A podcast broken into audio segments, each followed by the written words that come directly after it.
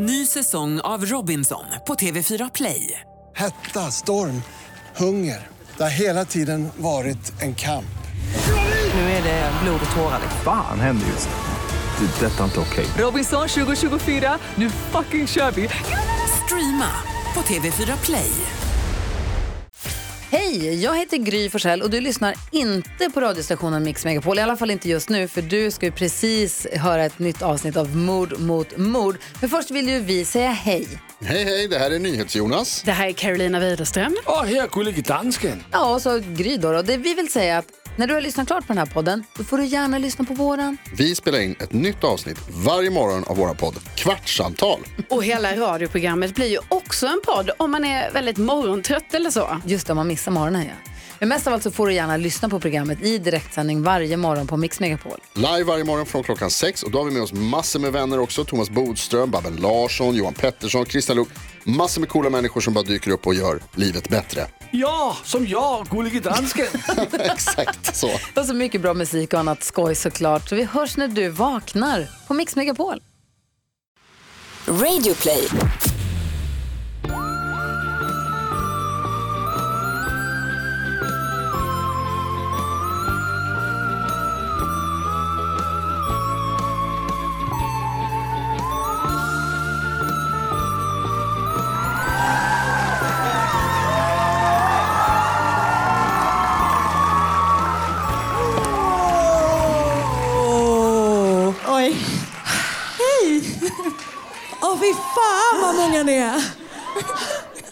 Hallå, Stockholm. Oj. Det var så lugnt innan och så kändes det så läskigt nu. Ja, verkligen. Hur är det med er?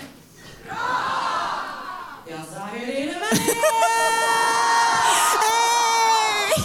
Det är nu vi startar sekt. Eh, nej, men välkomna till Mord mot mord livepodd i Stockholm. Bra!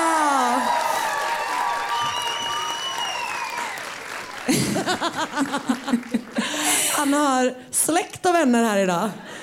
Det känns så härligt, det känns så tryggt. Det är det gulligaste jag sett. Ja, äntligen. Ni vet det här, alla de här stolarna som ni inte fick ta innan.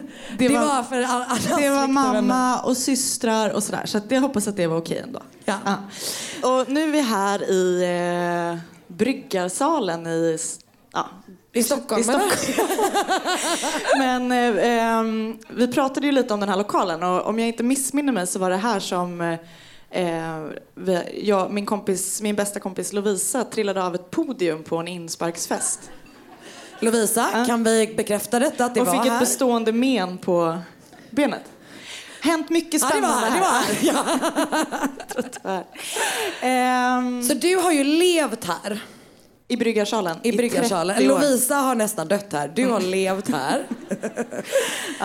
Och eh, jag har väl eh, inte så stark relation eh, till det här stället alls förutom att det kändes, vi sa det innan att det känns mer som att vi ska hålla i en så stark konferens. Eh, vi ska liksom presentera Eh, inte nya iPhone då, utan det är mer liksom kanske tattig-version. Vi, vi kanske är som hon som... ehm, eh, du vet, hon med blodet. Hon med blodet. Den HBO-dokumentären. Ja, ja, ja, ja, ja, ja. hon Hon ja. bluffmakerskan. Ni vet Silicon Valley, ljög om alla, tog blod, gjorde grejer. Ja, kolla killen En. där bara. Han, han vet inte vad den här podden är, men den här dokumentären har han sett. Ja, ja, ja, ja. Det var ingen stark liknelse. Eh, nej, men eh, precis. Ja. Någonting. Exakt. Ha- Det är ju halloween idag. Eller nej, det är det inte. Det var halloween i onsdags, eller? Det är det här som är det jobbiga Vem med vet? halloween i Det är Sverige. allhelgona. Det är i helgen. allhelgona afton. Ja, just det. Det är det som är det jobbiga med just det här halloweeniga i Sverige för att det firas liksom eftersom ingen vet när det är så känns det som att det firas i typ så en hel månad innan. Väldigt stressigt. Eh, jag frågade Anna innan så, jag bara, eh, gick du någonsin så liksom trick or treat när du var liten? Hon bara, eh, nej vi är alldeles för gamla för det. Jag bara, nu ska jag berätta för dig om när jag Längtan var... efter godis var stark. Och så, så då kommer man liksom få tänka på det faktum att, för det kom ju kanske typ när vi var så, hur gamla var vi? Alltså, Alltså för 15. gamla. Och jag tänker också, jag är ju uppväxt i, ehm, i lägenhet.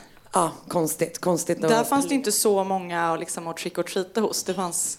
Nej men sant. Alltså jag var ju då, alltså jag tror att vi kanske var så 13 och egentligen så var vi väl mer intresserade av att stjäla Linns föräldrars såna små vodkaflaskor än vad vi var av godis egentligen. Varför hade de sådana små? Ja men du vet såna man köpte när man åkte på charter typ.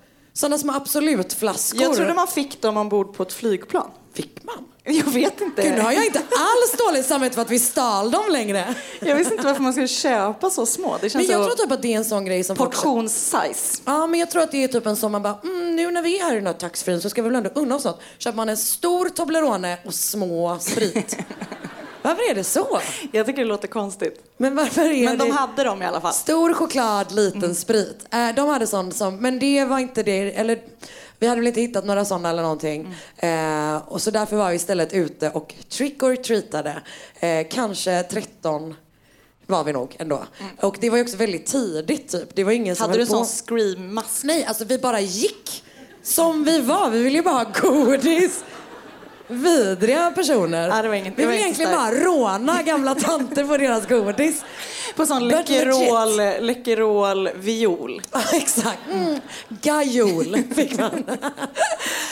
Eh, nej, nej, men det som hände var då att vi gick runt och ingen hade ju någonting. Och till slut så kom vi till ett hus där vi typ ringde på. Och jag säger inte att det var en så 45-årig man som bodde med sin mamma, men det kändes verkligen som det. Det We var know. liksom, man ringer på och så, Edgin utan sykunskaperna. Och så var det typ, jag kommer ihåg att vi var "Ha- hallå, bus eller godis? Han bara, nej köpte det inte alls, vilket vi var vana vid eftersom ingen köpte att vi gjorde det. Eh, men då kommer jag ihåg att han bara försvann in i huset, ni vet, var borta ganska länge. Och ni stod kvar? Vi stod kvar, väntade. Till slut kom han ut med en skalad banan. Åh, tack har du skalat den till oss. Vad mycket tid och energi vi kommer spara nu när vi slipper skala. Sa vi och traskade vidare i natten. Ni Anna är rädd för bananer, därför är det här extra jobbigt för henne. Åt ni upp bananen? Nej men det tror jag väl inte vi gjorde men men jag vet, det kanske var en lång promenad. Alltså vi var tvungna att gå ganska länge tills vi Ni hittade någon som hade delade den i gajol. tre små bitar så ni alla fick varsin. Just när man bryter banan. Jag har dålig, dålig koll på... Det jag säger är att det inte var lätt för mig under min uppväxt. Nej, verkligen. Det hör ju vi. Spriten räddade mig från det där. Nej, jag skojar bara. Nej. Ska vi dra igång och prata om mord? Ja. Ja! Äh, vad är ert problem? Älskar ni mord? Okej, det är också kul att vi har dem i kuvert för att det känns som att vi inte vet vad man bara, mm, och vinnaren Vad blev det för något? är. Ah. Anna, du börjar idag. Jag kommer börja. Så jag börjar. Ja, gud, kör. Vi befinner oss i trakterna kring Stockholm. Nej. Den 17 maj år 1900. Egentligen så befinner vi oss ombord ett fartyg på väg till Stockholm. Som eh, tidigare, eh, eller dagen innan, har lämnat Arboga. Det här var varför du frågade mig hur lång tid det tar att åka ångbåt från Arboga till Stockholm. Och det finns inte att hitta någonstans. När vi googlade så mycket hur snabbt en äh, ångbåt åker. Det som däremot verkar vara fallet är att det verkar vara en klassisk ångbåtslinje från förr i tiden. Fartyget som lämnade Arboga eh, hette SS Prins Karl. Eh, och det var då ett sånt gammalt ångfartyg som skeppar passagerare på den här rutten. Då. I Arboga så klev den 25 år gamla Johan Filip Nordblom ombord. Okej. Johan då föddes i Övre Stubbesbo eh, år 1875. Eh, han hade två bröder och ogifta föräldrar. Han var då en så kallad oäkting. Bastard. Ja. Ehm, när han var typ fem år gammal så flyttade han och hans familj till Falun där Johan började i skolan. En, Woo, en Falunbo. Det är härligt. Ehm, han var ett oroligt barn och rymde hemifrån vid flera tillfällen. Ehm, redan som 11-åring så droppade han av skolan och rymde hemifrån med en annan kompis som var föräldralös. Och tillsammans drev de runt i Dalarna i runt omkring ett år. Men gud, en Astrid Lindgren-film. Det är så Rasmus på luffen fast eh, på Deppigt. riktigt och två barn bara. Ehm, och precis, var, så, så som jag förstår det så var de borta ett helt år. Eh, Ja. Det vet jag inte exakt. Men så eh, säger vi nu. Som 12-åring då ja, så tar han eh, ett jobb. Alltså han hoppar av skolan liksom, på riktigt. Och han verkar vara en sån här ganska storväxt kille. Så, att som, så han får eh, jobb på ett sågverk i Korsnäs. Det är så kul att tänka en så biffig tolvåring som står och sågar. Alltså jag tycker det är så sjukt tungt arbete. Men eh, han kanske var som en fullvuxen karl. Jag, alltså jag vet inte. Men, ehm, så Käkat harsyra ett helt år. Är det sånt som man blir stark av? Det tror jag inte. Jag bara sa det, Det var, det var det enda man visste att man kunde äta i naturen. Exakt, att när man var liten så tänkte man så bara, så ja men om så- allt går åt helvete då har jag i alla fall harsyran. Gud, du, Det är C-vitaminrikt, tänker jag att det är i alla fall. Ehm, han eh, lyckas tyvärr bara behålla det här jobbet i lite mindre än två år. Ehm, för sen fick han då gå, som det heter, för att han har förfalskat en räkning till sågverket. Så han försöker väl... ehm, alltså jag tänker... En underleverantörs, eh, och så får, han kanske gjorde ett utlägg. Fejkade han ett utlägg som Jag, jag, 13-åring? jag tänker typ att det måste ha varit någonting med hans löneutbetalning. Jag Ja. tror inte att det var så avancerat som en 14-åring att han höll på med underleverantör eh, där slutet 1800. Men jag vet Om man är inte, stark kanske. så måste man också vara smart. Vilket Och han var. snäll. Oh, nej. Ja. Det- Skitsamma, vi kör, vi kör. Eh, så när han då har fått sparken så flyttar, eller så begär, nej, han beger sig till eh, Gävle. Dit... eh, Okej. Okej är verkligen helt rätt svar på den jag. You do you man. Ehm, mm. Han Ja. beger sig till Gävle. Gävle, för där bor nu hans familj och han är ju då bara 14 år. Eh, Johan åkte in och ut ur fängelse under liksom, hela sitt liv och det börjar tidigt. För sitt första straff avtjänade han som 15-åring. För då fick han sitta inne i fyra månader för att han hade stulit kreatur, alltså djur. Eh, Hur? det vet jag inte. Och jag vet inte vad han skulle göra med dem heller. Eh, sälja. Bygga muskler. Ät, du menar ja. Eh, sälja. An- antagligen sälja. Ehm, och det var då den första domen av flera som han fick. Och eh, för 1891 åkte han fast för första resans stöld, vilket då betyder första gångens stöld på dåtidens eh, lingo. Eh, för det fick han tre år i något fängelse i Malmö och senare satt han också då här på Långholmen i Stockholm där han blev fånge nummer två att skrivas in på fängelset. Oj! Tidig in. Mm. Jag vet inte när Långholmen slutade vara ett fängelse, men det här var ja, 1898 eller något sånt där. Snabb matte. Precis. För eh, på Långholmen satt han fram till 1990, året som vi ska gå djupare in i.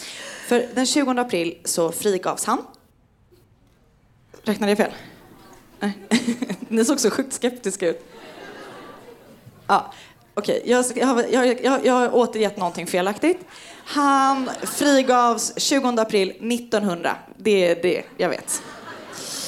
Och då åker han tillbaka till Gävle, där då hans yngre bror bor fortfarande. Men som sagt, den 16 maj så tar han sig från Gävle till Arboga där han köper en biljett till Stockholm eh, ombord ångfartyget SS Prins Carl. Och när det blir dags för avfärd så kliver han ombord. Och med sig... nej, nej. Eh, alltså jag har bara skrivit båten tuffar vidare med siktet inställt på Stockholm, vår ljuvliga huvudstad. Fy fan vad du är gullig. Ehm, när han eh, kliver ombord så har han med sig en plan och ett lätt bagage. Du skriver verkligen som en sån Men eh, när man är inte barn längre men heller inte ungdom, den typen författare. Dåligt. Jag älskar det. Nej, målande. Ja. Men härligt. Ja, du fattar. Tack. Eh, eller precis, i bagaget så har han med sig en kniv, en pistol och flera hänglås. Ni vet som man brukar ha när man reser till vår härliga huvudstad. Det är farligt i storstan.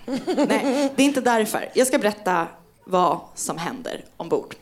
För någon gång under natten den 17 maj eh, beger sig Johan mot kaptenshytten. Eh, bryggan, som jag fick lära mig eh, Ah, ja, ja. av Det Oscar igår. Mm, Eh, det är där man styr båten på ett stort fartyg. Där möter han kaptenen ombord. Det är 45 år gamla Olof Rönngren, nej, Rönnberg. En stockholmare som har arbetat på Prins Carl i fyra och ett halvt år. Johan drar fram sin pistol, pistol skjuter kapten Olof och han segnar ihop och dör.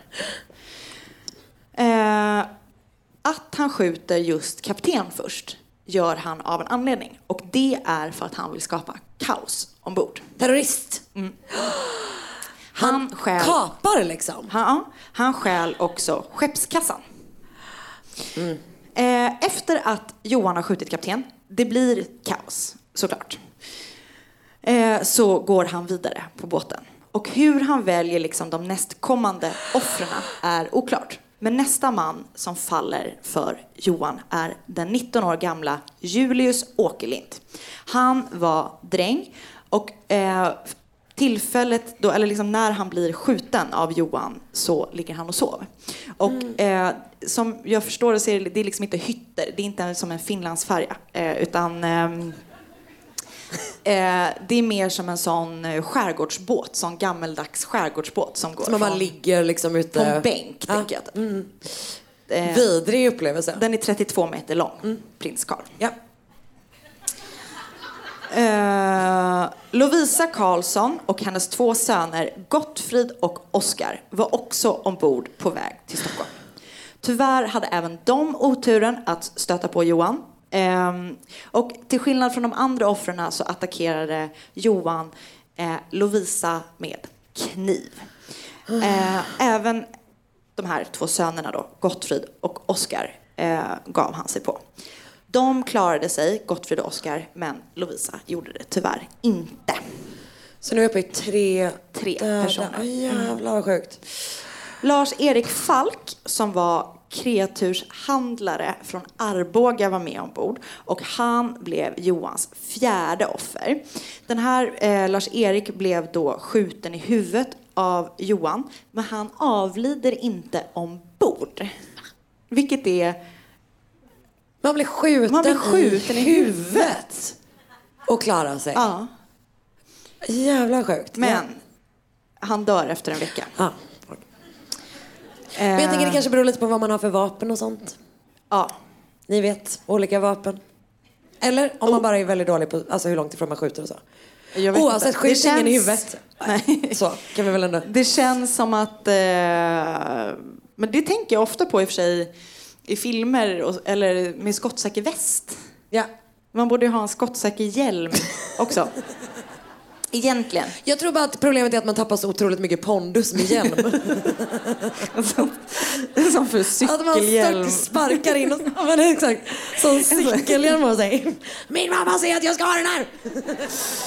Jag hade haft det om jag var FBI-agent. Ja. Eh, Och det kanske är därför du inte, inte är det. det. Vägra ta av dig hjälmen på testen. Nej, alltså vi ska bara mäta din IQ först. nu. Ehm, nåväl. Nåväl. Eh, Johans femte offer eh, är en man vid namn Karl-Erik Holmer. Och även han blir skjuten av Johan. Och han blir skjuten i bröstet och avlider omgående på prins Karl. Men jag får panik på att det här är... Det här är liksom, vad sa du, 32 meter lång. Ja, så sjukt lite. Alltså det är så jävla, jävla obehagligt. Det måste råda Kaos. total panik. Puh. Åh fy fan. Oh, Så okej, det är då totalt fem personer som dör ombord prins Karl. Eh, eller fem dödsoffer Totalt. totalt. Eh, och utöver då Gottfrid och Oskar, Lovisas två söner, så skadar Johan ytterligare sex personer. Eh, för, han jagar de båda styrmännen som finns ombord.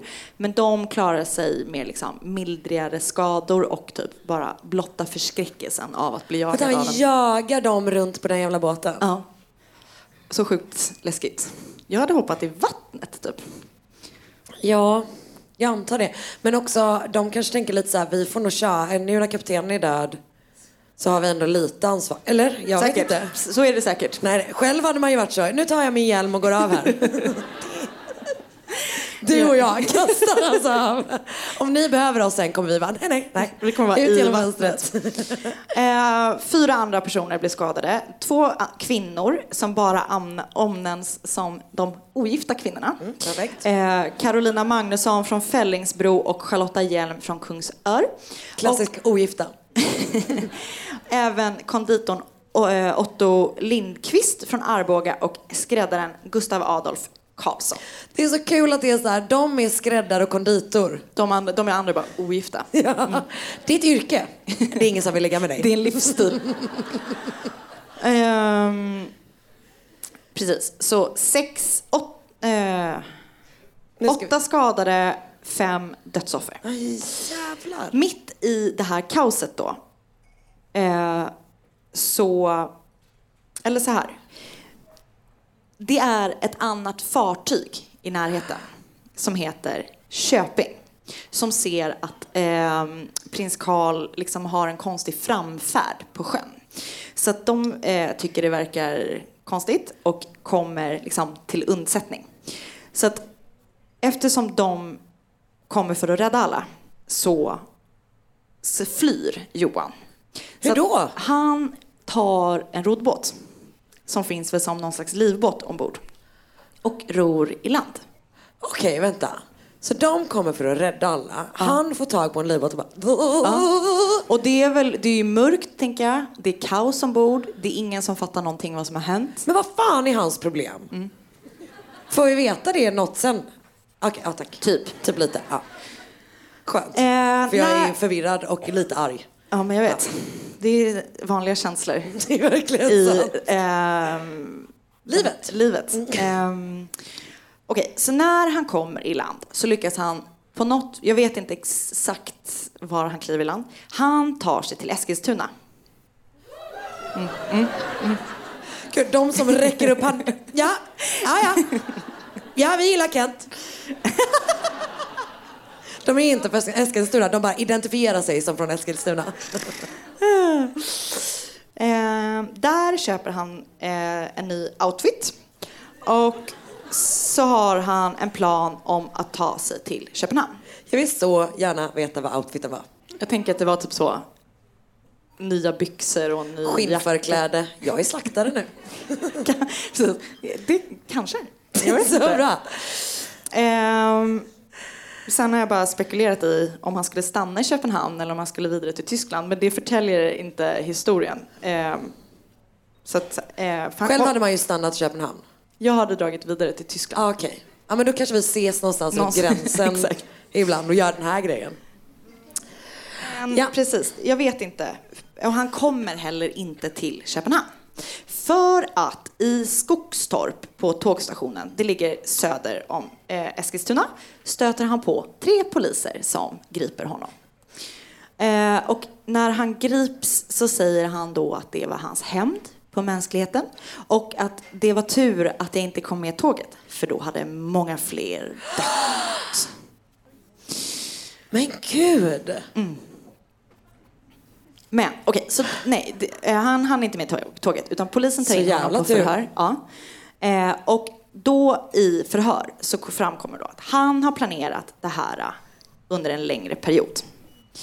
Eh, Men han är som någon jävla så school shooter fast ångbåts edition typ. Att det är så, nu ska jag hämnas på mänskligheten. och jag tror att det inte är det som är hans motiv. Utan Ah, okej. motivet är ekonomiskt. ah, ja, ja, just För det. planen är att han ska råna fartyget då på skeppskassan och sen ska han skada, kanske döda och råna så många passagerare som man bara kan ombord. Och när han har fått med sig så mycket pengar som han bara kan så ska han då tända eld på båten och dra. Det är planen. Förlåt, det är en sån jävla dålig plan. Det, ja. Alltså det är en riktigt dålig plan. Att det bara är så här, nu hörni jag har kommit på det, sen hoppar jag av där och så tänder jag eld. Det känns också så himla onödigt. Råna bara. Ja exakt, gå, råna på land. Om du nu ändå ska råna eller? Tågrån. Tågrån. Ehm, Klassiskt rån. Det är ju det. Men eh, okej, nej, allting går ju då inte som man har tänkt sig. För att eh, fartyget Köping eh, märker ju då, hör skotten, de märker då den här Jag konstiga tänker- framfarten. Nu, jag tänker mig att eh, fartyget Köping ser så på håll hur det är liksom Benny Hill-soundtracket går där inne. Och så springer Fast, runt. fast med, Fast med, skräck, med skräck, eh, skräckunderton. Ja, exakt. Exakt. Benny Hill fast på halloween. Exakt. Ja, ja verkligen. Klassisk spökljud. Från och med nu kommer jag under resten av din historia göra det ljudet i bakgrunden. Tack. Inte alls. Det blir inte, alls jobbigt för distraherande. dig Nej. och andra. Men eftersom då Köping kommer till eh, undsättning så hinner han ju inte slutföra sin plan. Eh, och jag tänker att det var ju tur, för att även om det nu var flera personer som fick eh, sätta livet till, eller som blev mördade, eh, så hade det ju antagligen slutat liksom ännu värre. Eh, han kom aldrig åt skeppskassan, men, eh, och han lyckades heller inte råna några passagerare. Men han eh, rånade kapten Okej. eh, på 845 kronor, vilket I dagens pengar. dagens pengar är drygt 49 000 kronor. Men gud. Så det var ju inte heller lite pengar. Och när jag översatte den summan så kanske det var, jag vet inte om det är 845 kronor, i, nej det var 845 kronor i dåtidens pengar. Och det var 49 000 kronor, tror jag. Wow. Alltså då kanske han kände så här, nu är jag nöjd. Nu kommer jag bara, ja nu fortsatte han i och för sig mörda folk. Mm. Så han kanske bara kände, nu har jag fått pengadelen av det här. Nu, Nu kommer jag bara skjuta folk. ja, eller att han tänkte, nu fick jag 845, jag ska ha mer bara. Ni vet man tog det. Han skulle ju starta ett nytt liv i Köpenhamn. Just det. Ah, drömmen. Det är det jag ska göra med pengarna från den här livepoddsturnén. Jag startar ett nytt liv i Köpenhamn. Jag tror inte du klarar det med... Nej, det är fan dyrt eller? Jag tror inte du kommer Men man får röka inomhus där. Ja, det så får att man. jag kan leva fattigt i övrigt. Eh, Okej, så han erkänner vad han har gjort. Det är liksom inga konstigheter. Det finns ju hur många vittnen som helst. Och han berättar då att han har gjort det för pengarna och han har ju en lång historia av att vara brottsling. Så han döms till döden. Han ska bli halshuggen den 10 december 1990. Så fram tills dess så sitter han i... 1990 sa du nu. Det var det jag sa. Jag kom på er innan. Det är för att 1900 är så länge sedan så att 1990... Fan vad sjukt om det visar sig nu att vi hade dödsstraff då. Ja, du visste inte det? Hall, giljotin. Okej, nu fattar jag. 1900, 1990, det, det bara kommer Ja, automatiskt. gud. men vi är... Sommaren i city och så vidare. Så jävla bra låt. ja, otrolig. Eh, precis. 1900, eh, 10 december 1900 ska han halshuggas. Så han sitter fram tills dess i ett fängelse i Västerås. Nej. Eh, och det Skönt är... att de inte är här. i, också i eh, Västerås som han blir eh, Avrättad. avrättad. Så på morgonen den 10 december så leds han fram till Schavotten som är den upphöjningen eh, där eh, avrättningar uträttas. Ehm, och när han eh, väntar på att yxan ska falla så sjunger han en sång som bara är ämnesraden eh, Trygg min Jesus i dina armar om och om igen. Det läskigaste jag någonsin Läskigt. hört. Ja, riktigt läskigt. Åh fy fan. Eh, en sång, jag vet inte. En Det kanske är någon slags bön. Typ. Ehm, mannen som avrättade Johan Nordblom hette Anders Gustav Dahlman och han var en så kallad riksskarprättare. Det är lite historielektion här också, det var väldigt spännande. Och då, vid den här tidpunkten så hade vi då bara en bödel i Sverige. Vänta, som fick åka runt och göra alla? Men det verkar inte vara så super, han verkar inte ha så superstressigt för det här var den näst sista avrättningen som utfördes i Sverige. Så att han hade, gäng, han hade ett super super chill liv förutom ibland. Exakt. Ah. För det här var den näst sista eh, avrättningen och den sista utfördes 1910. Vet du vem det är? Nej, det vet jag Ja, fast jag har inte nedskrivet. Nej. Ett, ehm, också en tjuv kom- tror jag. Vad sa du? Också, ja. Eller jag vet inte. Häromdagen läste jag om någon som blev avrättad för hor. Alltså de körde ju lite mer hur som helst innan. Absolut. Ja. Är du en ogift kvinna på en båt? Fram med huvudet! Ehm, och det skrevs ju jättemycket i tidningen om det här. Eh, det var ju typ det värsta som någonsin hade hänt. Och det gjordes också fler, ett, eh, flera skillingtryck som då var typ som en liten trycksak som innehöll eh, visor. Alltså jag älskar ett gott skillingtryck. Och det finns två, det finns två hits som skapades. Delvis i den här 1990 Sommaren Sommaren, i city. Utöver som det- började som ett skillingtryck. Det är inte många Exakt. som vet det. Nej. Precis. 1900 skrevs den för att det var fler som hade... Ja, det var framtidsvision med. Okej, den första går så här. Ack o vad fasa, vad hiskligt att höras. En sten rent därav till tårar kan röras. Jag menar det drama som utspelats har när båten prins Karl ifrån Arboga far. Lite mer, den var lite så... Uh... Ja, ja, nej alltså, by all. Tack, jag sjöng den ju inte ens. Okej, en till då. Ja, allt är så stilla på sjö och på land. På däck smyger Nordlund. Jag har skrivit Nordblom, han heter Nordlund. Jag har två kompisar, en heter Nordblom och en heter Nordlund. Det var ett spel. Men vet du vad? Du, jag Okej, tänker okej. du kan kalla honom för vad du vill. Men han heter Nordlund. Så här, så här går det. Ja, allt är så stilla på sjö och på land. På däck smyger Nordlund med kniv i sin hand. Ah, kniv! Så mycket läskigare än kniv. Så, det var allt från mig. Nordlund. Johan Nordlund. Nordlund med kniv. Stackars den som ska ha den här micken efter mig.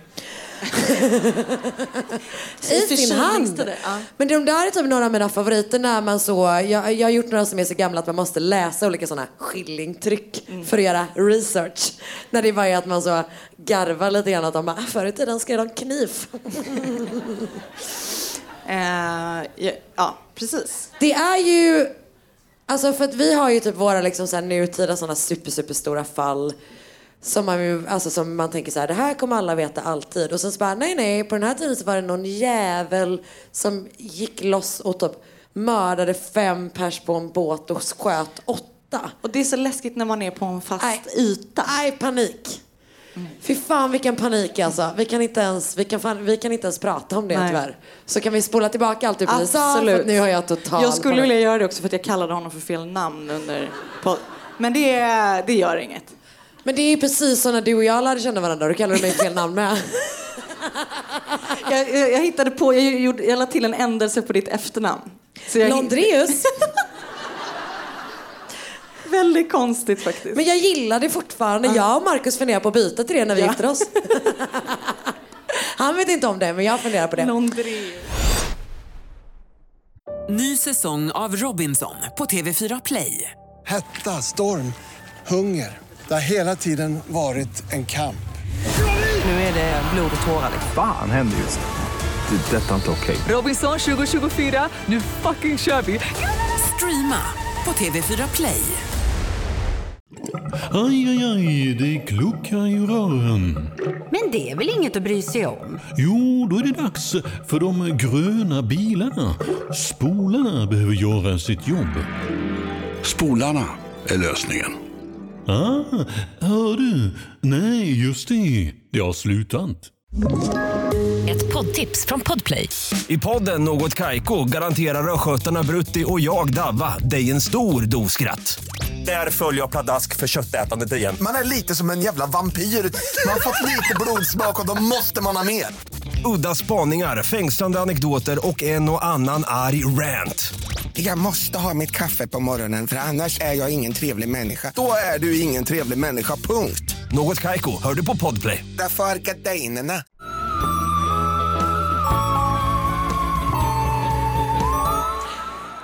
Men... Eh, vi stod här i baren så var jag jag bara, ah, vi ska nog gå på snart, ska vi gå bak lite grann för gingen är ganska lång. Anna bara, jag orkar inte det. Jag bara, nej men vi står bara här och så skålar vi lite med varandra Så när det bra igång. barhäng. Ja, det som vet vad det såg ut som? Det såg ut som barhänget bakom intervjun i så 80-tals eh, Nej, i första, SVT-serie. i första dejten. Ja. Okej, eh, jag Då tänker att det är dags för mig att öppna mitt kuvert. Vad har du för spännande? Så står det bara så. Brev! Jag har kollat väldigt mycket på Bachelor det senaste. Och nu är Simon här. Eh, Okej. Är det den nya Bachelor? Ja, alltså han är dum i hela huvudet. Det är otroligt. Det är också Men det är väl tjej... han som är den liksom snälla av dem? Ja, nej, nej, det är Felix. Eh, det här är en helt annan... Vi tar den podden sen. Ah, okej, Okej, jag tror ju inte på spöken. Och min främsta anledning till att inte göra det är för att jag är jätterädd för spöken. Så att jag kan inte tro på spöken för att då kommer jag inte kunna eh, leva mer. Och det vore trist. Det vore tråkigt. Förutom att Anna och Markus under hela tågresan från Göteborg pratade om att de skulle avliva mig. Nej, det var faktiskt... Det var väl mest Marcus och jag Du var med! Anna bara, ah, hur tänker du vi ska avliva nu då? Nej. Jag bara hakar på. Jag var sån easy follower. Ja, det är det. Ja, ja. Nej, vi, vi, har, vi har gått i terapi för det. Eh, Vi, vi är över den. Vi har, vi har vänt blad. Exakt, det har vi verkligen. Skål! Skål till er! Hörni, kul att ni är här! Mm. En annan grej jag är jätterädd för är skräckfilmer. Jag kan inte kolla på skräckfilmer. Eh, vilket när jag sa det till han, eh, den här, eh, han som är britt eller kan, vad är han? Barkillen. Barbritt, ba- barbritten. Så sa han så här, för att jag hade sagt så här, yeah it's a po- podcast about murder. Och sen ska jag berätta mitt fall och säga så här, I'm really afraid of horror movies. Han bara, that's weird. och det är ju sant, för att jag klarar ju av det riktiga. Skitsamma. De hade på Nyhetsmorgon en ehm, typ en sån professor i skräck var han väl inte. Han pratade just om skrämsel. Och då hade Steffo egenutförd forskning som var eh, att man blir mindre rädd med åldern. Och jag typ eh, är benägen att hålla med, eller? Känner du dig lugn nu? Ja, framförallt om jag kommer vara lika, om jag kommer vara lika orädd som Steffo när jag är 60. Steffo är väldigt trygg. Jag däremot, inte trygg. Inte än, du är för ung fortfarande. Okej, jag har inte sett The Amityville Horror. Ooh, några av er har det. Det är ju då en skräckfilm från 79. Eh, den har fått, jag räknade till, och jag kan ha räknat fel, till 24 olika uppföljare eh, sedan dess. Den är då baserad på en roman som heter The Amityville Horror från 77. Eh, jag har då som sagt inte sett dem, inte läst boken, men jag har läst ganska mycket om de verkliga händelser som de är baserade på. Jag tänkte... Det är läskigt. Ja, nej fruktansvärt. Eh, och jag tänkte typ att så här, nu när det ändå är någon slags sån halloween allhelgona grej så vill jag ju inte göra en ren spökhistoria, 'cause det är inte vad vi håller på med här. Men jag gjorde någon slags crossover, true Spännande. crime, spök, skräck, hörni. Okej, nu kör vi. Jag har fått info från dokumentären The Real Amityville Horror. De konkurrerande sajterna de tycker alltså olika om den här saken. Den ena heter amityvillemurders.com och den andra heter The Truth About Amityville.amityville.com. Bra. En lät lite mer seriös. Ehm, Okej. Den 13 november 1974 så rusar den 23-åriga... Tack älskling.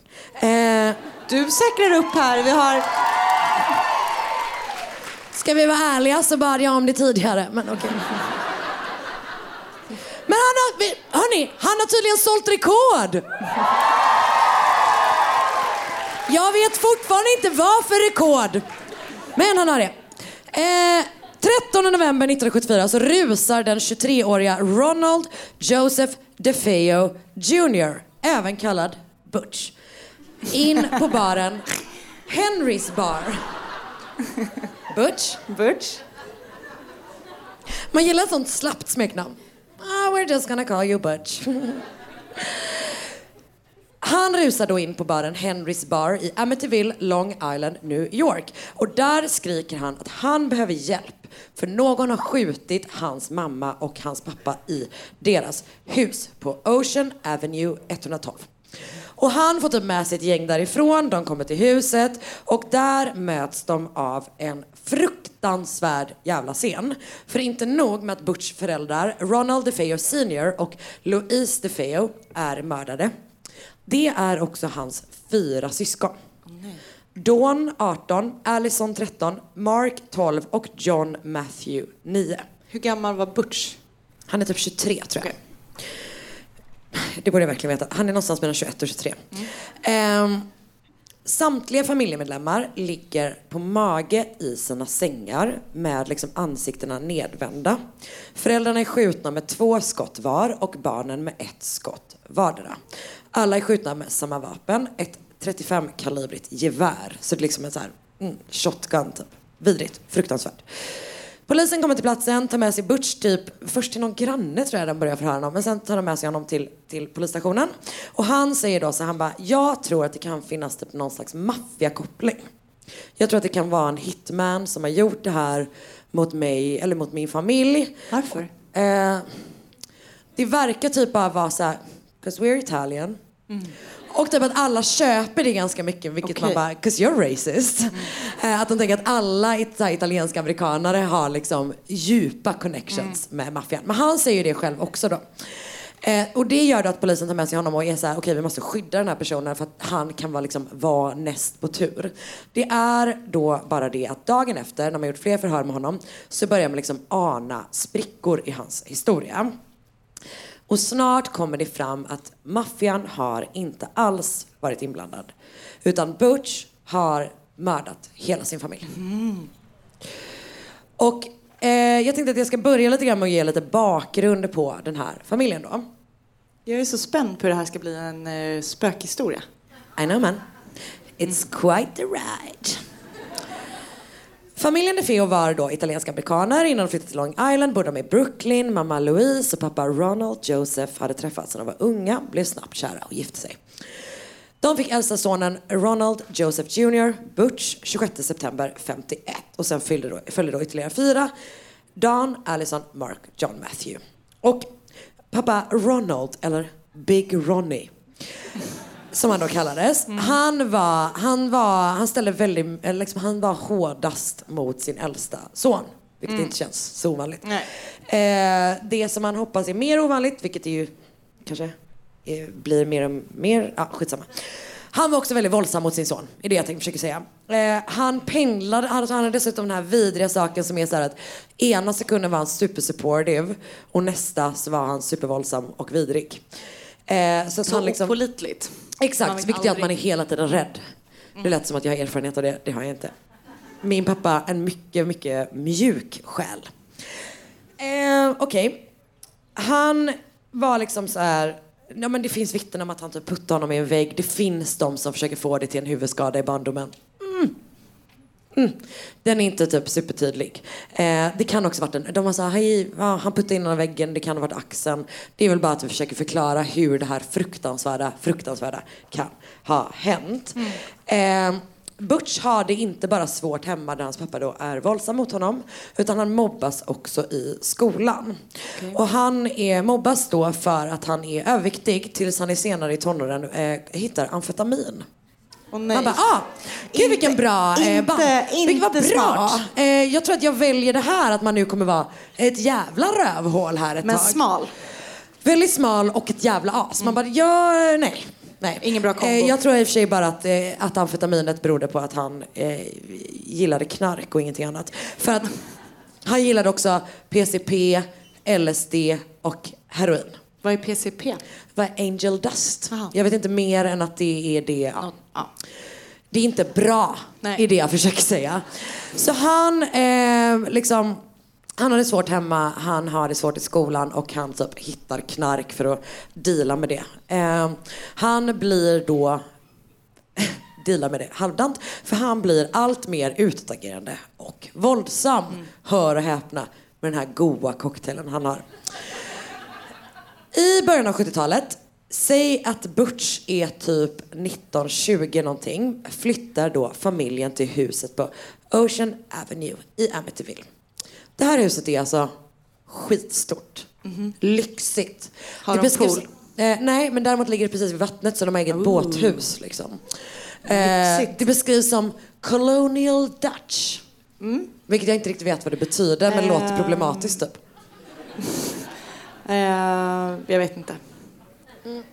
Hur som helst, det är typ eh, 500 kvadrat stort. Du vet så fem, sex sovrum, lika många badrum, som sagt precis vid vattnet. De har egen brygga, egna, egna båtar, bla bla bla. Det är fancy som fan. Och det är då i det här huset som den fullständiga tragedin inträffar hösten 74. Butch erkänner då alltså att han har mördat hela sin familj och säger att han gjorde det för att han tyckte sig höra att de planerade att mörda honom. Han är uppenbarligen inte frisk. Är det spöken i huset som har sagt det här till... Anna, kan du sluta försöka spoila min historia? Jag vill bara gissa. Jag vet, men du är för... Alltså, till att börja med, nej det är det inte. Men du är också för bra på att gissa. Okej. Alltså det är inte det. Är inte det. Han är sjuk. Han är sjuk och knarkar Jag, jag, jag förstår det. Ja. Men du ser också väldigt nöjd ut. Det är det som filmen handlar om. Att du, man ser att du, i ditt huvud så hör du sådana pyttesmå Go Anna, go Anna, go Anna. Throwback Ricky Lake, gammal referens. Jenny Jones var ju faktiskt en större favorit. Jenny Jones, otroligt. Ja. Hur som helst. ehm, han är uppenbarligen som sagt inte frisk utöver då att han gick på LSD, heroin, PCP, amfetamin, ni minns den här raddan från tidigare. Så har han då eh, en antisocial personlighetsstörning. Kommer liksom en läkare fram till, eller en psykolog fram till efter då att han är, har gripits för det här. Men trots det så anses han då tillräknelig. Eh, en väldigt, väldigt konstig grej med det här mordet, eller de här morden, är alltså att han mördar då sex personer med ett gevär i ett villaområde. Och, det är så här, visserligen på natten, typ, klockan är så tre, men ingen hör någonting. Och det är ju skitkonstigt liksom. Någon har typ hört, säger typ såhär, ah, men vi hörde familjens hund, den överlevde, det var inte vad det är. Eh, skälla vid typ, ja men så här vid den tiden. Men det är liksom det och polisen så här provskjuter det här vapnet. Och då hörs det? Nej, alltså jättelångt, typ fyra, fem kvarter bort liksom. Och inte nog med det då, utan... Hade han ingen sån... ehm, Silencer. Mm, det vet jag tyvärr ingenting om. Nej. Det vet vi ju inte. Då hade det inte varit så mystiskt. Nej men, nej, men och det är, det är ju mystiskt. Det, en annan mystisk grej eh, är med att alltså, offren ligger ju på mage i sina sängar. Och alla såg ut att ha blivit mördade där. Det finns två av dem, kan eventuellt finnas tecken på att de har vaknat innan de har mördats. Men alla de andra verkar ha sovit, vilket ju också är skitkonstigt.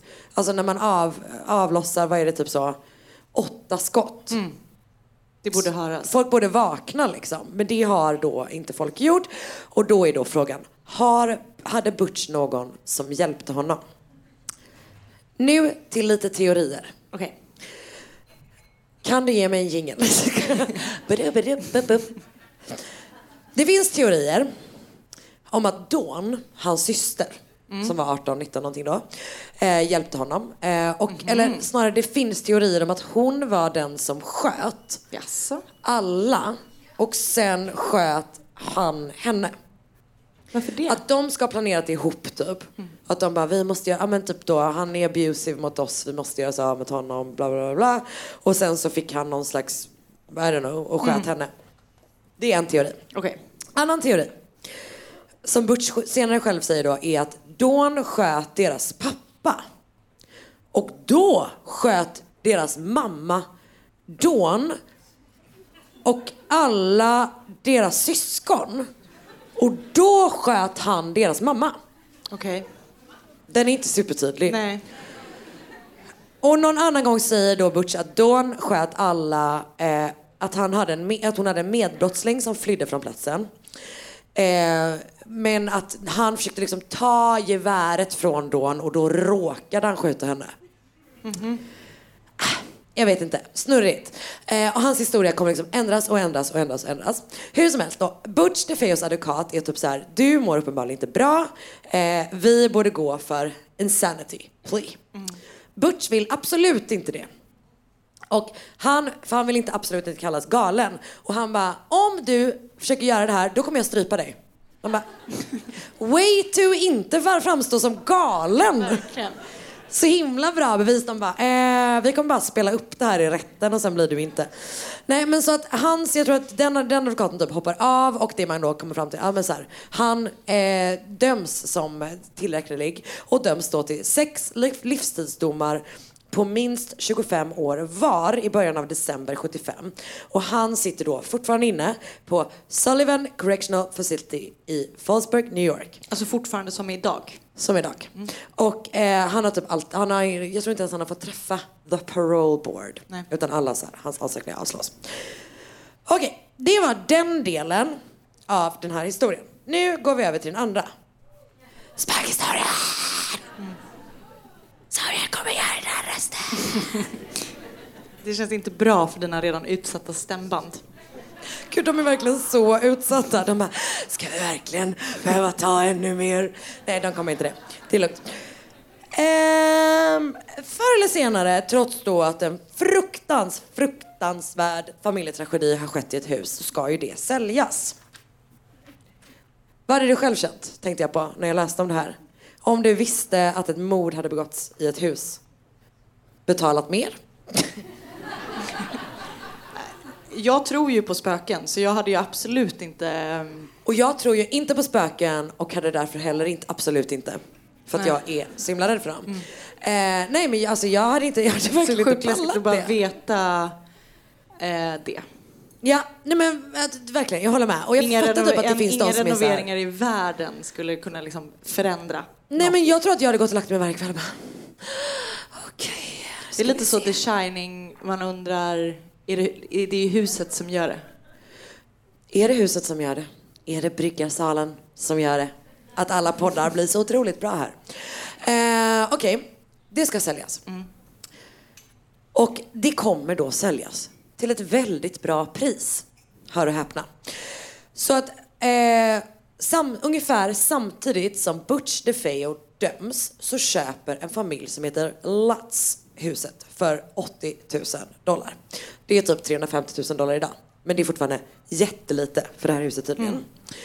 Ehm, och det är ju samma bara, men när man får en god deal på ett jävla hus, då får man väl bara skita i att det begått så sex familjemord där. Det, den har ju brygga.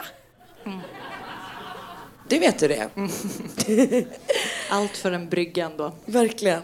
Eh, så den 18 december 75 flyttar George och Kathy Lutz, Lutz in och de flyttar in med sina tre barn. Kathy har dem från ett tidigare äktenskap. De heter Daniel, Christopher och Missy och så deras hund. De är ett helt vanligt par. De har ganska nyss gift sig, de har typ en helt vanlig ekonomi. Eh, de är så här mid 30s. De är vanliga människor som nu har fått chansen att köpa ett drömhus om de bara bortser från det faktum att det är ett jätte, jätte hemskt mordhus. Det är vanliga människor som har fått köpa ett ovanligt hus. Ja, vilket låter som typ en jättebra realityserie från Br- Storbritannien som jag vill se. Så drömkåken. Älskar alla såna. En plats i solen. Med mord. Okej. De kommer då senare säga att de bara, nej alltså vi brydde oss typ inte alls om vad som hade hänt i det här huset. Liksom, det rörde oss inte i ryggen. Trots det, vad gör man när man flyttar in i ett mordhus som, där man inte alls bryr sig om att ett mord har skett? Jo, man tar in en katolsk präst som kastar holy water.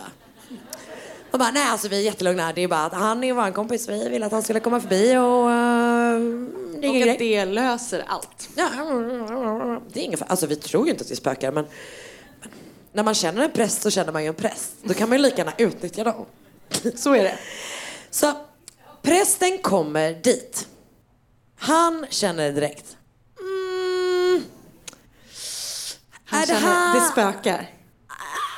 Det är inte bra. Nej. Det är inte bra. Och han är framförallt tveksam. Jag visste inte att präster nödvändigtvis var de som snappade upp bäst på Katol- spöken. Katolska va? Okej, det är det. De snappar ju upp lite va? Vad de vill. Mm. Mm. Nej. Nej, det var typ inte... Det var... Det var... Hur som helst. Han är jävligt tveksam till ett rum, kan man säga. Och det är då ett av sovrummen på övervåningen. Och han går in i det här rummet. Och det blir så här kallt liksom. På ett onaturligt sätt. Inte bara för att det är så. December i New York. Det är liksom cold spots i det här rummet. Och så hör han plötsligt en röst. En mansröst, en djup mansröst. Lite som min tänker jag mig. Som väser. Get out! Nej. Kulle ska jag Garvar åt reaktionen. Oj! Nej men, nej men oj! Fy fan Vilket- vad läskigt. Get out! Nej alltså ni ska gå nu, det var det jag menade. Var det någon annan som hörde? Vad sa du? Var det någon annan som hörde? Som så ofta med spökhistorier, jag tror att det bara var Prästen. en person. Eh, men han säger i alla fall till, alltså han är också ganska chill about it. Så att han säger till familjen Lotsa, han bara, alltså det var visserligen typ någon slags mansande som väste till mig att jag skulle lämna det här rummet när jag gick in och skvätte holy water. Men jag tror, alltså så här, det enda tror jag är att ni inte ska ha använt det som sovrum. Mm-hmm. Så Kontor. de gör det till syrum. Jaha. Och bara let's just go about our day. Då har man ändå stort. Om man kan avsätta ett rum bara men då för skulle man bara, sy. det är att man bara så här, eh, nej men alltså våra raggsockor kommer ju vara cursed från och med nu. Men det kan ju sånt vi får ta. Något ska vi göra med det. Så att de, eh, ingen bor där då. Eh, men är kanske lite på sin vakt tänker jag ändå. Kan man hoppas.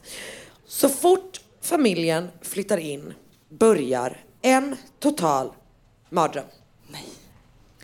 George Lutz lider väldigt mycket av de här cold spotsen. Han fryser jättemycket. De försöker få upp värmen. Det är så jävla svårt i vissa rum. Allt George gör är att hugga ved. Han försöker verkligen, verkligen få upp värmen. Han eldar och eldar och hugger och hugger. Vad sa du? Det verkar som en vidrig... Det är en jobbig vardag va? Ja. Och, och, ja. Nej, jag vet inte. Jag kan ingenting om värmesystem. Men jag vill gärna känns- höra din teori. Men det känns så, så här... ehm, det känns så himla gammeldags att så här, elda... Men jag tänker att man gör det med, att man gör allting. Okej. De har nog element med, men jag tänker att han eldar också. Okej, okej. Jag gillade, det kan eventuellt vara så att jag hittade på att han högg, högg jättemycket ved. Det var bara att jag tyckte att det var en så rolig bild att tänka en man som bara dag ut och dag in. Du, du, du. Eh, ja, okej. Eh, han vaknar varje natt klockan 03.15 med ett ryck. Nej. Det är ungefär då som morden ska ha ägt rum. Nej. Han hör skotten. Nej, han bara...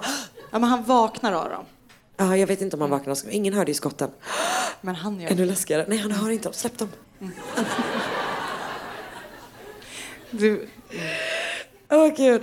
Han hör en sak senare som inte är alls lika spännande nämligen. Så att jag vill Okej. gärna ta ner det lite grann.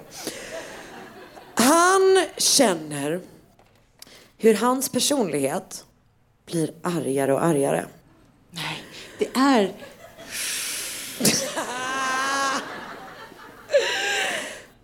Jag tänker att det kan, ha, kan bero på att han vaknar klockan tre varje natt och sen hugger ved hela trött. dagarna! Han måste få sova.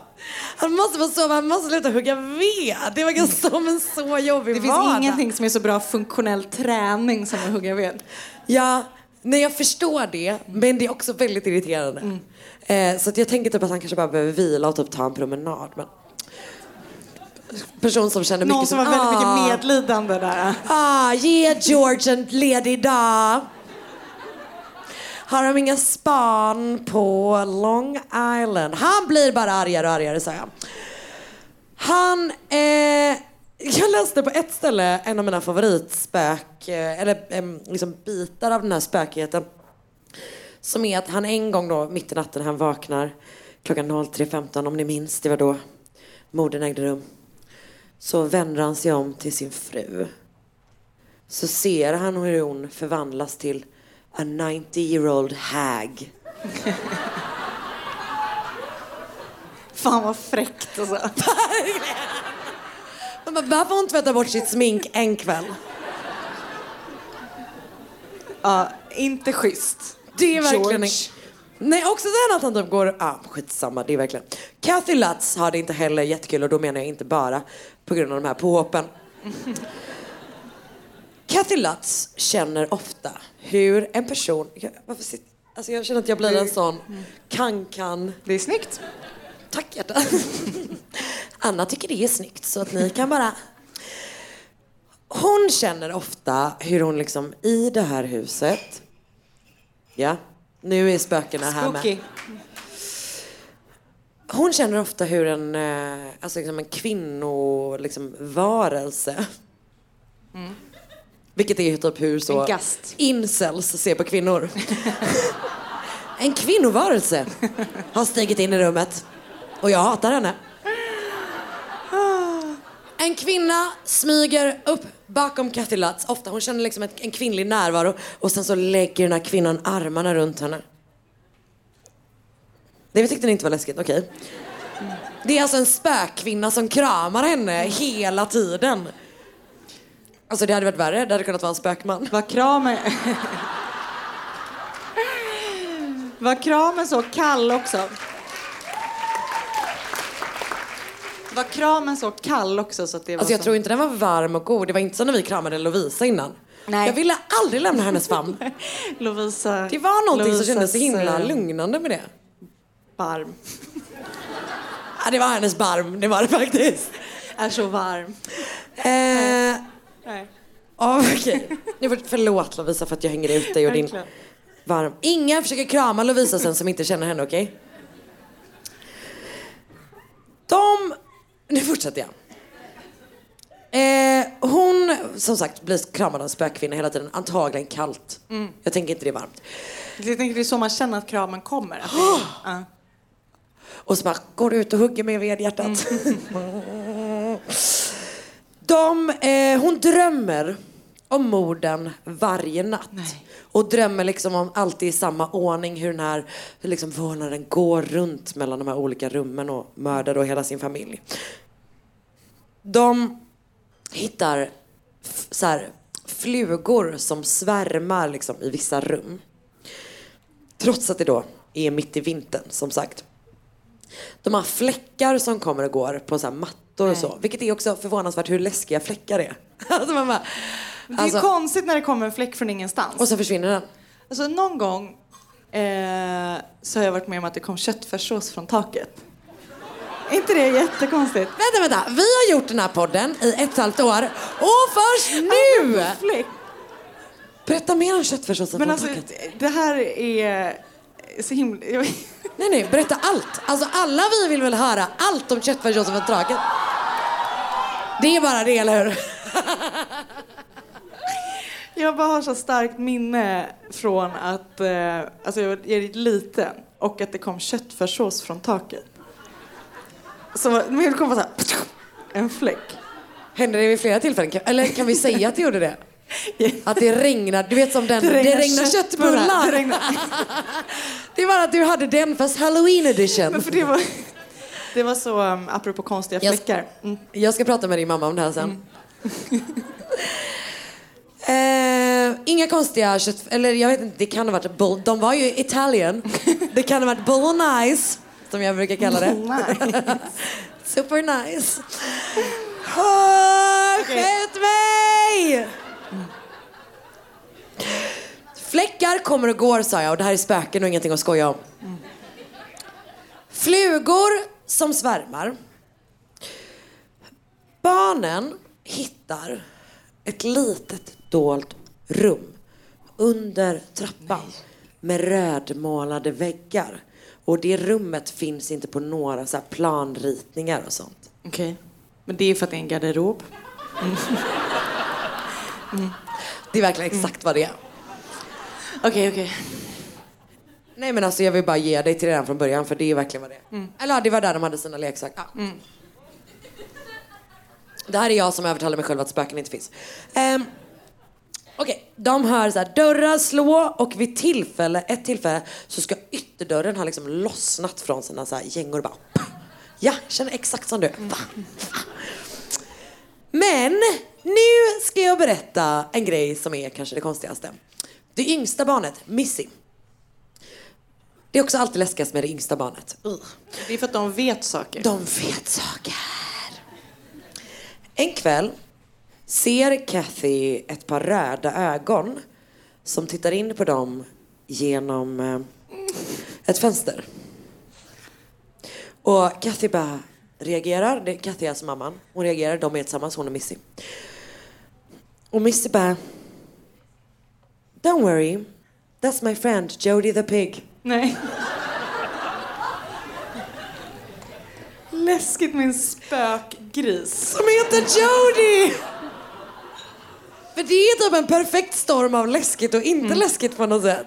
Att det är alltså en demongris med röda ögon som hon har blivit kompis med och som hon har döpt till Jody. Ja. Är det läskigt? Det, det, ja, ja, jag vet, men det är ju... Ja. Det är liksom det läskigaste och roläskigaste man hört någonsin på en och samma gång. Händelserna trappas upp. Familjen Lutz blir allt mer rädda. Och allting eskalerar under en sista natt. Den 14 januari, det är alltså bara 28 dagar efter att de flyttade in. De har alltid vägrat att berätta vad som hände under den natten. Men de är här ikväll. Nej, jag skojar. Eh, go Lutzes, go Lutzes. I was a geek then, look at me now. Och så kommer förebilderna här. I was a victim of ghost now then, look at me now. Ser man bara den här fläcken. Okej. Men så man vet inte vad som hände som gjorde att de drevs ur Nej, huset? men de lämnar alltså, alltså de flyr från sitt hem mitt i natten 28 dagar efter att de har köpt sitt dream home. Låt mig påminna er om bryggan. Fan vad sjukt. Störigt att man inte vet varför. Ja, nej men, men också du hade, alltså Jody hade varit nog för att jag skulle lämna. Och alltså inte bara om det var, alltså inte hade inte behövt vara en gris. Jag hade bara varit så om, om mitt barn bara, ah, nej jag skaffat en kompis som heter Jody. Man bara, I'm out of here. Som var ett spöke eller som var... Nej, bara i allmänhet. Ah, Okej, okej. Jag vill inte att mina barn ska ha vänner. Av något slag. Jag och Marcus vill att de bara ska vara med oss. Okej, de flyr alltså mitt i natten, bara 28 dagar efter att de har flyttat in. Och sedan dess, alltså de har, det, jag tror att, så här, de, det enda de har med sig, alltså de har liksom ändå flyttat in i det här huset, tagit med sig alla sina ägodelar, lagt alla sina pengar. Det enda de tar med sig därifrån är tre ombyten var. Alltså de lämnar alla liksom så här, alla, klä, alla möbler, allting. Men de tar med sig lite kläder, det är det enda. Och sen lämnar de huset mitt i natten och drar till Kathys mamma. Och sen den natten så har de vägrat besöka det här huset. Bam, bam, bam, bam. Get out! Ryktena börjar gå i Amityville förstås. Vad är det som har hänt den här familjen som har fått en great bargain på det här mordhuset? Ja, vad är det som har, hänt? Ja du Anna, det är det jag inte kommer berätta ikväll utan vi kommer få diskutera sen på olika efterfester. Eh, jag kommer berätta lite mer om olika saker. Den 13 eh, februari 76 så kommer då, så det har väl gått typ en månad till då.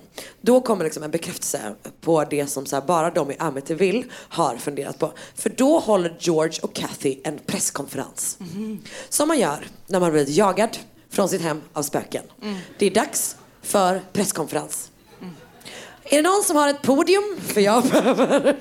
Nej, de har det faktiskt bara på typ någon advokats kontor.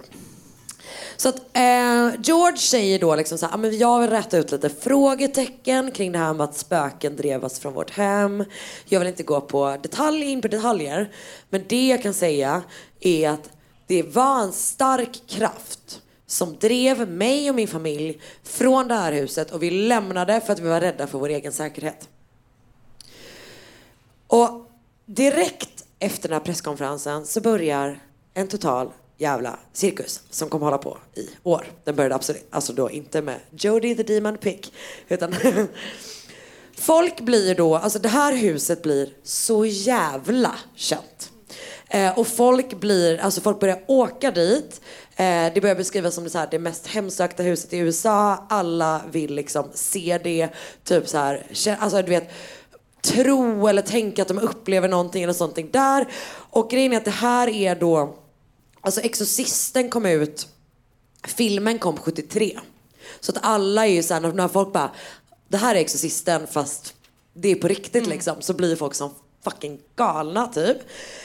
Och media hoppar då också på det här. Ehm, så bland annat skickar man in något sånt jävla de okända team. Älskar det okända.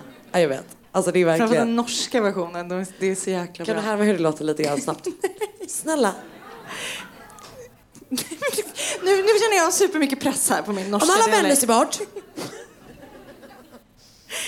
Kanske sen. Bra. Ehm, Okej.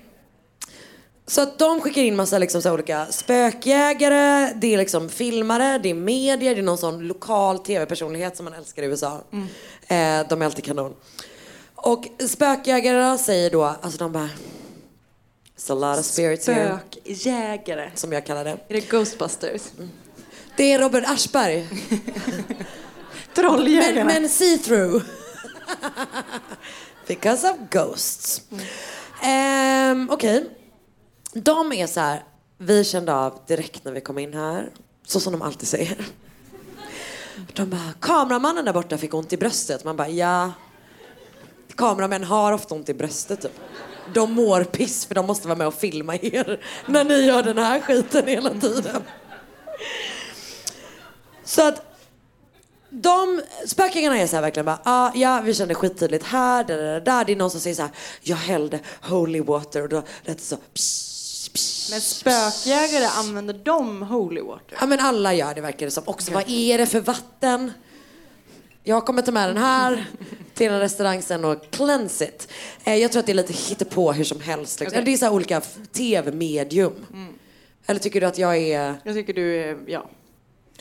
Okej, vänta. Har du olika sådana tv-medium som du bara, fast de här är faktiskt the real deal? Är det han, Nej, jag- är det han som låter som Tony Irving som står i ett hörn och skakar? Jag, jag, jag, eh, jag förkastar inte lika mycket som du. Jag, Men jag säger att det är mitt sätt att hantera för att jag är asrädd för dem. Okej, det är okej. Det här är min terapi. Och ni är alla along for the ride. Ehm, Okej. Så att de är där. De här mediumerna säger typ så här, vi kände jättemycket. Den här lokala tv-kvinnan är så här. Me as a journalist, I have to be honest, I didn't see anything, but they said they felt a lot of things. Um, de hittar liksom inget jättetydligt, men man tar också väldigt mycket bilder. Och det finns en bild som är så fucking läskig. Hampus, Ja, nu har jag längtat kolla där! Kolla där! Kolla där uppe över mig! Kolla! Och grejen är att han är aslik en av de pojkarna. Jag fick tårar i ögonen precis för jag blev rädd. Det var inga barn på den inspelningen vill jag bara säga. De hade inte tagit med sig dem. Och när de framkallade den här så såg de this ghost figure. Nej, det gjorde de. Jo, det gjorde de med det. Vänta. Alltså jag fick precis tårar i ögonen. Men. För jag blev rädd. Du får en kram. Tack. Det är en spökkram! Tack snälla för den applåden. Eh, jag gillar hur de kramar varandra. Eh, men det är ju någonting, det här. Det är ju läskigt. Det är ju fucking läskigt. Kan vi alla bara en gång, ja tack snälla. Oh, Okej vänta, vi måste ta bort den här bilden för nu för en person är asrädd i publiken. Ja tack tack. Oh! Oh! Och Ja, det det var där läskigt. ska då, alltså det, det, den är, det spöket är inte olikt John DeFeo om ni vill googla honom sen. Det har, alltså det, ja, det är, man, ja. Riktigt eh, läskigt. Det är jätteläskigt, också de här ögonen. Ehm, historien, va, säg. Det var inget, det- det det var var ju bara blixtögon, fast man, man, ja. Historien blir ännu större när boken The Amityville Horror av Jay Anson publiceras 1977.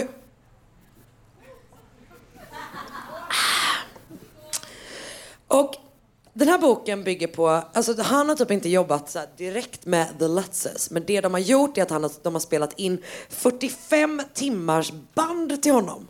Vilket man också bara, kan inte bara ses typ, det verkar så jävla mycket mer chill än att sitta. Det är typ hela våran podd. Som vi kommer skicka på analysen. Eh, och den är då, alltså den säljs ju då som liksom based on a true story så att det blir som en sån, den är väldigt, det har varit svårt under den här researchen att avgöra vad som står i boken och vad de har sagt har hänt. För i boken är det ju så slime som rinner ner från väggarna, det är krucifix som snurrar runt, alltså det är liksom sådana saker. Inte för att det här inte räckte det här med Jody the Pig och sånt men, men det är liksom mycket, mycket mer och sen står det då based on a true story. Vilket ju bara betyder så här, ingen vet vad som är sant längre men nu kör vi. Eh, och det blir en sån jävla jävla framgång. Det ligger, den ligger alltså så 42 veckor på bestsellerlistor. På fyra år säljer den 6,5 miljoner kopior. Åh jävlar. Och sen kommer då en film baserad på den här boken. Eh, och den blir också svinstor. Det är alltså en av de mest framgångsrika independent-filmerna i USA någonsin. Och paret Lutz blir liksom så jävla jävla kända. Alltså de gör alla talkshows, de gör säkert Go Lutzes, Go Lutzes, Jenny Jones, ja absolut. Eh, om de inte har varit tillsammans med varandra så hade de varit med i The Dating Game som Rodney Alcala. De gör allt, det var de jag kunde komma på. Och det blir liksom bara mer och mer cirkus i Amityville och innan så är det typ så här att det liksom Ja men folk är, är där men nu kommer folk från hela världen. Det är typ någon snubbe i den dokumentären jag såg som var så här. There was a bunch of Swedes who got stuck on my, my parking way. Att det liksom är så här, folk liksom kampar där och bara försöker slita loss saker från det här huset liksom. Eh, med den här uppmärksamheten kommer förstås också de som är så här. Vänta lite nu. Tråkiga skeptiker. Så som jag. Eh, fast de kanske gör, gör det för att de är tråkiga och inte för att de är liv, livrädda. Så det de börjar fundera på är så här. Kan det vara så här eller är det så att den här familjen försöker tjäna lite goa spökpengar? Och ett, en grej som tyder väldigt så här mycket på att det kanske är så att det är de goda spökpengarna som lockar. Det är att Butch DeFeos, alltså typ en av hans första advokater, han säger att så här, ah, nej nej alltså det var jag som gick till dem och sa så här, fan kan vi göra den här grejen så kan vi sälja det och sen så kan jag använda det som eh, när jag överklagar hans conviction och var så här, nej nej men det var inte han, det var huset made him do it. Man bara, vad är du för advokat? Det är ett skitdåligt försvar. Nej nej, alltså det var ju inte han som mördade sin familj utan det var ju den här demonpiggen Jody. Röda ögon, shotgun. Jag tycker det låter eh, vattentätt. Men så han säger typ så här, han bara de här sakerna de säger nu kommer vi på över typ ett gäng flaskor vin lite grann. Mm. Som många olika saker här i livet. Eh, och i, då, han har ju typ så här skickat över, han bara vi, nu gör vi det tillsammans. Sen har de bara skitit i honom. Så nu han bara, nu kommer jag sälja ut dem. Vi har, hittat, vi har bara hittat på det här, det är vi som hittat på det liksom. Du har en sida till bakom den sidan du håller det. Men så har jag en till här. Jo. Ja det har jag verkligen. Gud vad bra. Jag blir stressad. Jag bara, tar det slut så här hette? Eh, Okej. Så att de gick då istället till Anson och sen så eh, finns det också de som har undersökt påståendena om spökerier.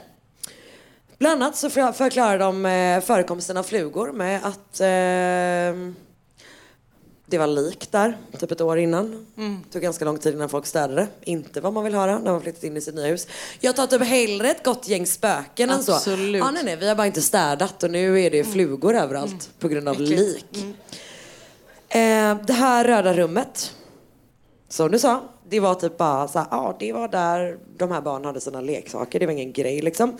När man kollar ytterdörren, aldrig ryckts av. Min favoritgrej är dock hur man förklarar Jody the Pig. För att det finns då grannar, ett gäng sköna, det är ett ett gott gäng sköna grannar i den här historien, som säger då att de började typ garva första gången de hörde historien om Jody the Pig. För att en av grannarna eh, som bodde runt huset hade en väldigt tjock katt. Såklart. Och den katten brukade så klättra upp på fönsterbräden. Har katter röda ögon? Men kanske om det kommer lite ljus, eller så, I don't know. De kanske tog en fucking bild, fast vet jag. Men det som är kul med det är att den katten hette då Jody. Och dens ägare brukade då kalla den för gris. Nej. Det är så kul om det bara är det som är såhär bara, ah nej men det var ett barn som bara Jag tror lärde inte känna det. en katt. Jag tror att det är, jag tror på det andra. Tror du, du tror på demongrisen? Absolut. Det ska finnas historier, nu stängde jag för tidigt. Oh, det ska finnas historier om att, eh, om att Jody the Pig ibland var, eh, alltså ibland var liksom liten som en gris och ibland var stor som hela huset. Men det kan vara boken. Det är det här jag menar. Slime, bok, ja. Mm. Hur som helst. Eh, Kathy och George Lutz kommer liksom alltid hålla fast vid sin historia. Och eh, det gör också några av de här mediumpersonerna som liksom kom dit och undersökte det. De håller också fast vid det supermycket. Att de bara, nej nej men det här är vad som hände. Jag, eh, en av sönerna har ganska nyss, alltså typ ganska nyss, men typ 2000-tal uttalat sig och han säger att han var med om massa skit och att det berodde på att hans, alltså George eh, var typ superintresserad av det ockulta och att han öppnade portaler till demongrishelvetet. Eh, och att han var typ en really bad guy liksom. Så, Okej. så att han håller fast vid att han har varit med om massa, massa skit men säger då att det var George som öppnade dörren. Okej. Men ingen av dem som har bott på Ocean Avenue ett- 112 eller Ocean Avenue eh, 108 som det heter nu för att folk inte ska hitta dit. Man bara, mm, great cover-up. Det är fortfarande exakt samma bild. Alltså allting är exakt likadant. Ingen av dem som har flyttat in där säger i alla fall att de någonsin har upplevt någonting övernaturligt där. Men, who knows man? Jag undrar eh, om det nu har verkligen hade varit så att de var ute efter spökpengarna. Ja. Varför berättade de inte vad som hände den natten? Men är det inte typ, jag tänker, eller på Är det, ett sätt är det tänker jag att det är ganska smart. att folk ska Ja. spekulera? Och Att man är typ såhär, man bara, Det är så läskigt, jag, jag kan inte säga. Nej, jag fattar, okej. Jag- Mm. Typ som när jag kommer säga om den här kvällen ikväll, nej de var så jävla taskiga, jag orkar inte ens säga. Ja, sjukt spännande. Jag, eh, jätteläskigt. The Amityville Horror, Murders and Hunting. Nu är det bara att jag har börjat bli en sån eh, som skakar i hörnet. Jag känner dem. Get out, get out! Oh. Det var allt för ikväll. Vilken kväll.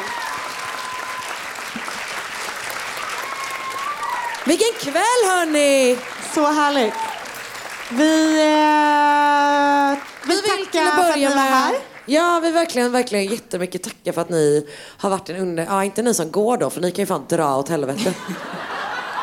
jag skojar, vi har säkert... Vi har... Nej, jag skojar bara, jag skojar bara, det är lugnt. Man får, gå, man får gå när man behöver gå. Ah, ja, men man kommer vara på shitlist. Men man kommer inte ut där sen vid dörren. Eh, get out, get out! Okej. Tack snälla Tack för att ni kom snälla. hit, vi är jätteglada för det. Och vi ses nästa gång!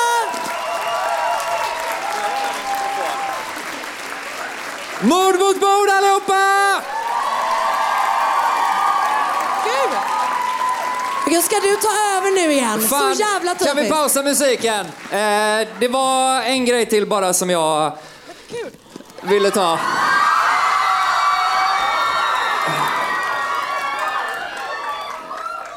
Karin, eh, du har ju... Du har ju redan friat till mig. Jag sa ja, spoiler. Men jag tycker det känns orättvist att du ska göra allting i vår relation. Alltså, Karin, jag har aldrig träffat någon som ger så jävla mycket till dem som de älskar. Och jag har haft turen att vara den som du älskar mest. Men med det här så vill jag bara säga att jag älskar dig lika mycket som du älskar mig. Kan du tänka dig hur mycket? Och du vet, jag vill älska dig tills jag dör. Och det är inte så långt kvar om man får tro min läkare. Så det... Så det jag undrar här ikväll är så här, Karin, skulle du eh, vilja gifta dig med mig? Den är din. 11 januari, Stadshuset!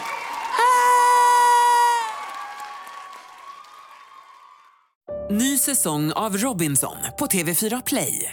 Hetta, storm, hunger. Det har hela tiden varit en kamp. Nu är det blod och tårar. Fan händer just nu. Det. är Detta är inte okej. Robinson 2024, nu fucking kör vi! Streama på TV4 Play.